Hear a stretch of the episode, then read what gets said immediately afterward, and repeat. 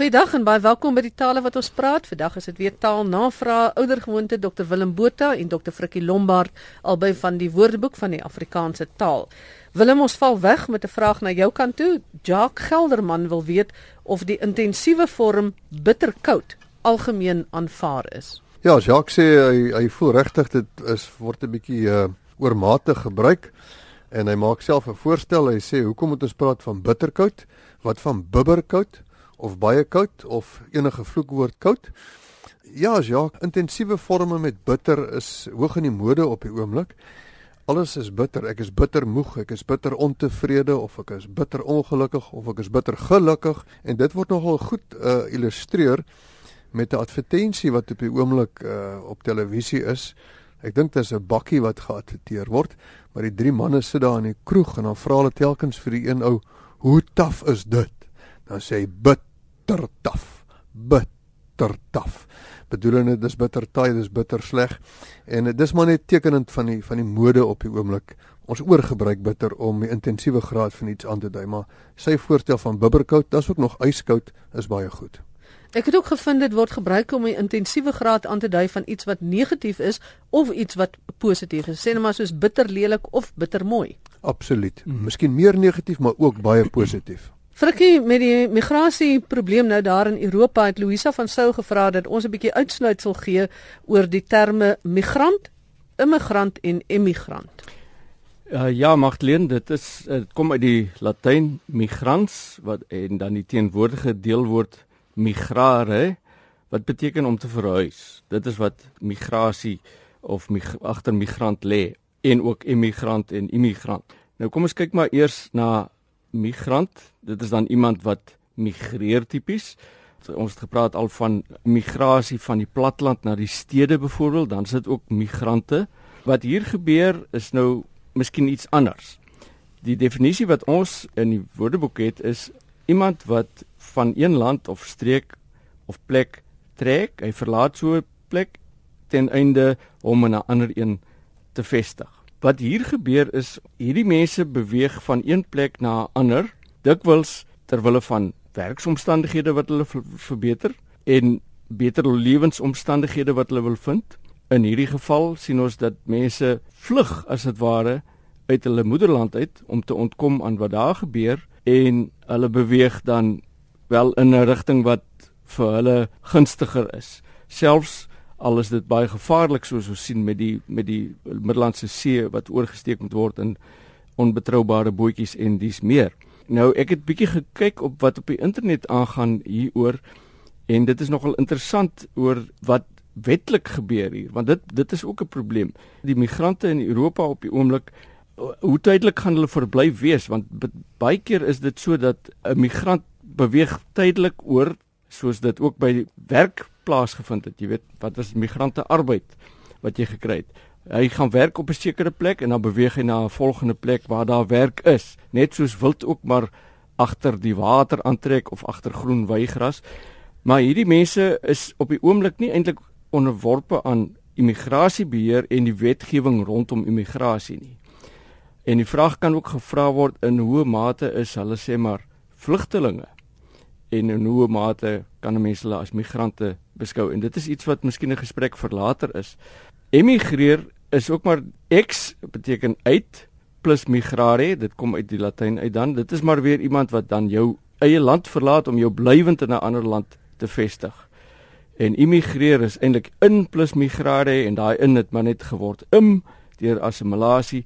Dit is dan jou metterwoon of dan nou permanent in 'n vreemde land vestig. Die vraag wat dikwels gevra word hier oor hierdie migrante is in hoe mate is die beweging nie dalk 'n permanente vestiging nie? Want migrante is amper soos nomades ook gewees jy weet jy beweeg rond nie noodwendig om jou blywend te vestig op 'n plek nie. Julia Leroux sê dat sy die woord autoniem 'n paar keer oor RSG gehoor het, maar dat sy net autonoom ken. Nou vra sy, is dit autoniem of autonoom? Nou ek dink sy is verkeerd as sy sê sy hoor autoniem op RSG. Ek dink sy verwar dit dalk met antoniem wat ons wel gebruik. Maar kom ons hoor wat sê julle. Ja, ek ek dink wat hier gebeur het, ek het uh, ook die presiese woorde hier van die kunstenaar uh, wat in 'n onderhoud uh, die woord gebruik het. Ek dink miskien was dit net hierdie een keer, maar die kunstenaar het gesê toneel en musiek het konflikterende logistiese behoeftes en ek het altyd musiek gekies omdat dit vryer is, meer autoniem is. Nou beslis het die kunstenaar eintlik bedoel autonoom. Nou die interessante hier is dat daar is ook 'n ander wisselvorm vir autonoom, naamlik autonomies wat baie onbekend is. Maar ehm um, autonoom beteken in die eerste plek onafhanklik sonder eksterne beheer met betrekking tot bestuur, soos 'n autonome regering wat heeltemal na homself kan omsien. Maar dit kan ook ten opsigte van individue gebruik word. Dan beteken dit onafhanklik en selfstandig ten opsigte van denke, optrede en uitsprake. Hy is heeltemal autonoom, hy kan doen wat hy wil en het sy eie mening. Maar dan die betekenis wat die kunstenaar hier in gedagte gehad het is dalk die volgende: selfstandig of onafhanklik van eksterne invloede of ander soortgelyke entiteite. So die kunstenaar het gereken dat uh, musiek is meer autonoom, daar's niks wat op jou inwerk nie, maar as jy toneel speel is daar baie ander eksterne faktore wat op jou inwerk waarvan jy afhanklik is uh, om sien om iets op die planke te bring. Maar definitief is dit autonoom, nie autoniem nie en daar is ook uh, wisselvorm autonomies wat baie onbekend is. Frikkie, hier's nou 'n paar woorde, maar kom ons begin by die eerste ene. Sofia Lourens wil weet wat is die verskil tussen pleonasme en tautologie en dan sal ek net oor die ander ook sê. Kom ons begin maar by tautologie. Dit word ook genoem stapelvorm en dit beteken letterlik herhaling van dieselfde. Dit is eintlik waar jy in 'n samestelling twee begrippe het wat wesentlik dieselfde beteken die meeste van hierdie sogenaamde stapelforme of tautologie is taamlik ingeburger in die taal omdat die betekenis van die een lid veral verbleek het. Byvoorbeeld graftombe. Tombe is byvoorbeeld afgelei van 'n woord wat graf beteken. So jy sit eintlik met graf plus nog graf. Dit is 'n herhaling. 'n Winkelhaak, 'n winkel was oorspronklik iets wat op 'n hoek was en 'n haak beteken ook hoek en dit is 'n tipiese tautologie damwal. 'n Dam is reeds eintlik 'n wal. Tortelduif, 'n tortel is gelyk aan aan 'n duif. En so kan 'n mens aangaan. Die probleem is dat tautologie soms met pleonasme verwar word. O, nog 'n voorbeeld wat ek net miskien terwyl ek nou daarin kan noem is baie keer word mense gevra wat is jou pinnommer? En dit is ook 'n vorm van tautologie want pin staan reeds vir persoonlike identifikasienommer. Jy vra dus eintlik wat is jou persoonlike identifikasienommer nommer as jy dit so sou vra? En dit is 'n tipiese voorbeeld van tautologie. Nou pleonasme word dikwels verkeerdelik as tautologie beskou. By tautologie is die betekenis van die woorde dieselfde maar by pleonasmes is dit waar dit in 'n woordpaar voorkom nie die geval nie. Ons kan ook praat van 'n pleonasme as 'n 'n soort woordoortolligheid. Eh, waar die betekenis van die een woord reeds in die ander een opgesluit lê. Tipiese voorbeeld is so iets soos weer herhaal. Herhaal beteken dat jy iets reeds weer doen. Of dood vir ongeluk. Vir ongeluk beteken helaas dat iemand dood is. Te voet loop is nog so 'n voorbeeld want jy kan nie anders as met jou voete loop eintlik nie. Uh 'n dooie lijk, lijk is dood reeds uh ook iets soos alreeds van tevore. Alreeds beteken reeds tevore. So dit is wat die goed betref en dan het Sofia nou nog ander vrae.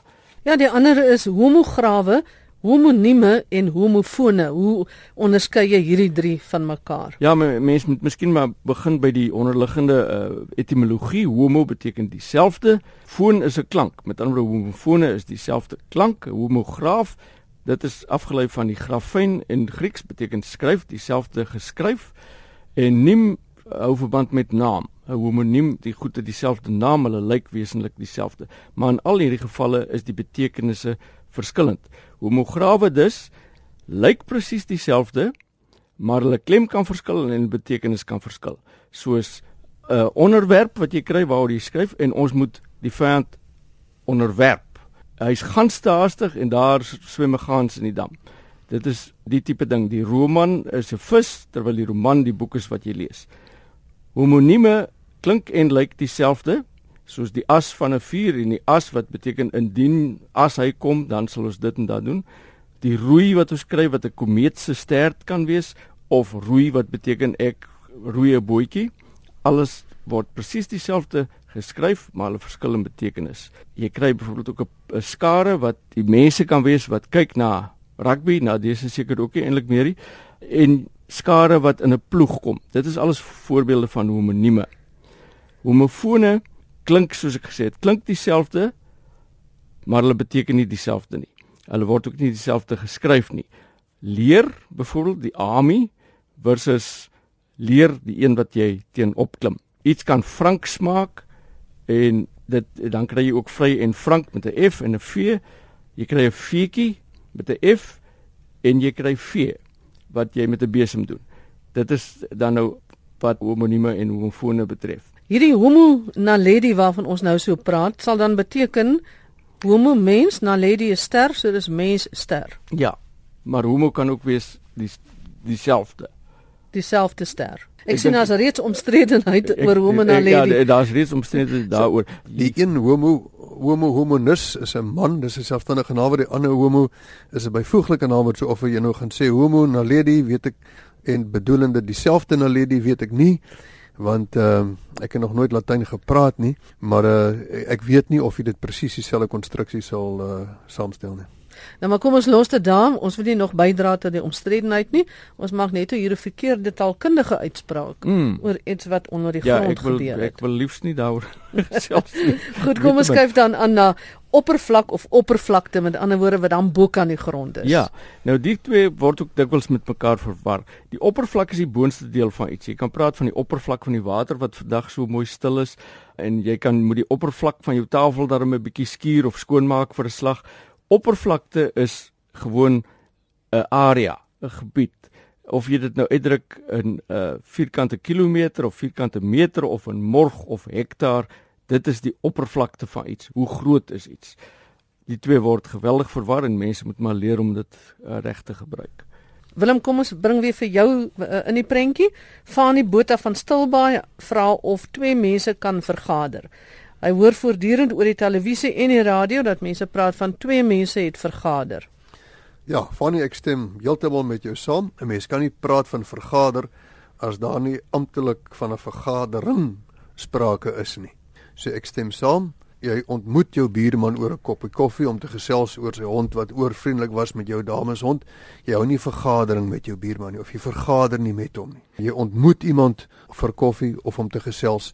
So ek stem heeltemal saam met Fanie as daar nie 'n vergadering plaasvind nie, vergader jy nie met iemand nie, jy ontmoet hom of jy gesels bloot met hom. Dan het ek ook al gehoor dat mense praat van vergaar. Ons hmm. gaan met hulle vergaar, maar dit dink ek is meer 'n streeks uitdrukking. As 'n ja. uitspraak, ja. ja. Frikkie Skalk Jansen wil hê dat ons moet praat oor ontlening in Afrikaans. Ja, Skalk, dit is ook nogal 'n hele storieetjie op sy eie. Die verskynsel van ontlening behels dat jy woorde oorneem van ander tale. En hierdie woorde staan ook bekend as leenwoorde. Dit kan ook frases wees wat jy uit een taal in 'n ander taal oorneem. En nou moet 'n mens dit sê, dit is 'n verskynsel wat seker eintlik in alle tale voorkom veral die tale wat geografies, jy weet, 'n invloed op mekaar uitoefen omdat hulle in dieselfde gebied voorkom. Hierdie verskynsel kan op verskillende maniere geskied, byvoorbeeld deur 'n woord of uitdrukking regstreeks oor te neem of onveranderd oor te neem en ek sal net 'n voorbeeld gee van die. Dit kan ook wees deur 'n woord of uitdrukking uit 'n taal wat nie jou eie taal is, se alfabet gebruik nie, te translitereer. Ek sal voorbeelde daarvan ook gee uh of dit kan wees deur 'n woord of uitdrukking aan te pas by jou eie taal se klank en spellingsstelsel of deur die elemente van die leenwoord of uitdrukking doodgewoon te vertaal. Ons praat dan ook van 'n leenvertaling. Nou die regstreekse of onveranderde oornames is daar baie van in Afrikaans. Sê maar iets soos rugby, speaker, whisky, abattoir, iets soos El Niño ex officio sub judice die soort van goed word net so oorgeneem uit Engels of uit Latyn of wat die geval mag wees. Onveranderd. Die getranslitereerde oornames kan iets wees soos uh, perestroika wat ons uit Russies gekry het maar Russies gebruik die Cyrilliese alfabet 'n heel ander alfabet as, as ons. So ons ontvorm hom soos ons dit in ons alfabet sou skryf. Iets soos feng shui of sushi of tsunami is getranslitereer. Dan kry ons leenwoorde wat ons gewoon vir Afrikaans ons maak dis 'n effense aanpassingkie. Cricket. Ons het dit net aangepas by ons skryfwys, ons skryf ons spellingmanier van cricket. Dagga, dupa, mamba, sjokolade, shampoo, dis alles vir Afrikaans te leenwoorde. En dan die leenvertalings is iets soos lughawe waar ons gewoon airport geneem het en dit vertaal het. Of stasiemeester of stuurwiel of vonkprop. En dit is maar die storie oor hoe ons ontleen.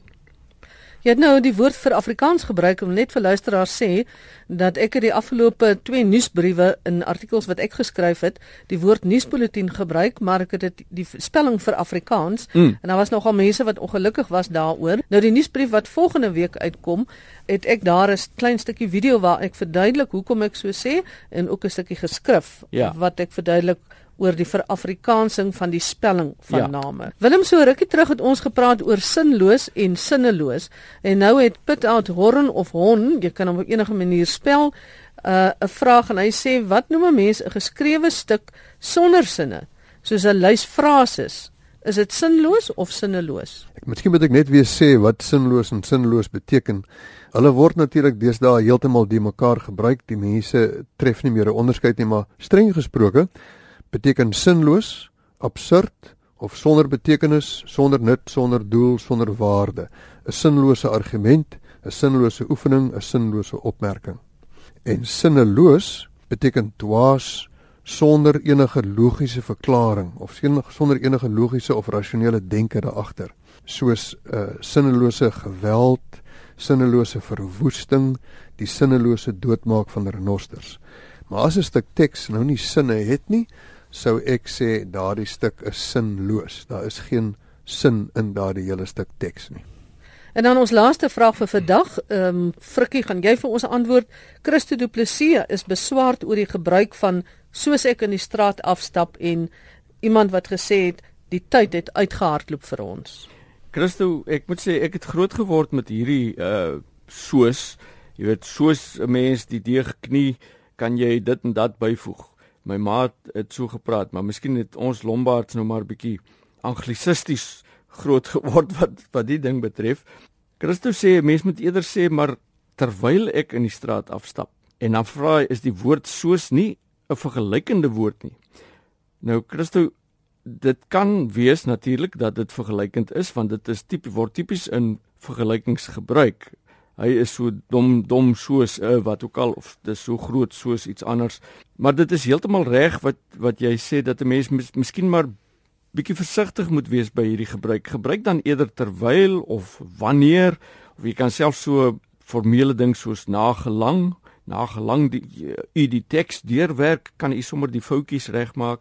Dit dit alles kan 'n mens aanwend. Maar dit word nie net as 'n vergelykende woord gebruik nie, baie wyeer Uh, dit word ook in die plek van byvoorbeeld gebruik. Jy kan sê alkoholiese dranke soos wyn, bier, brandewyn waar dit dan die uh, die byvoorbeeldse plek inneem.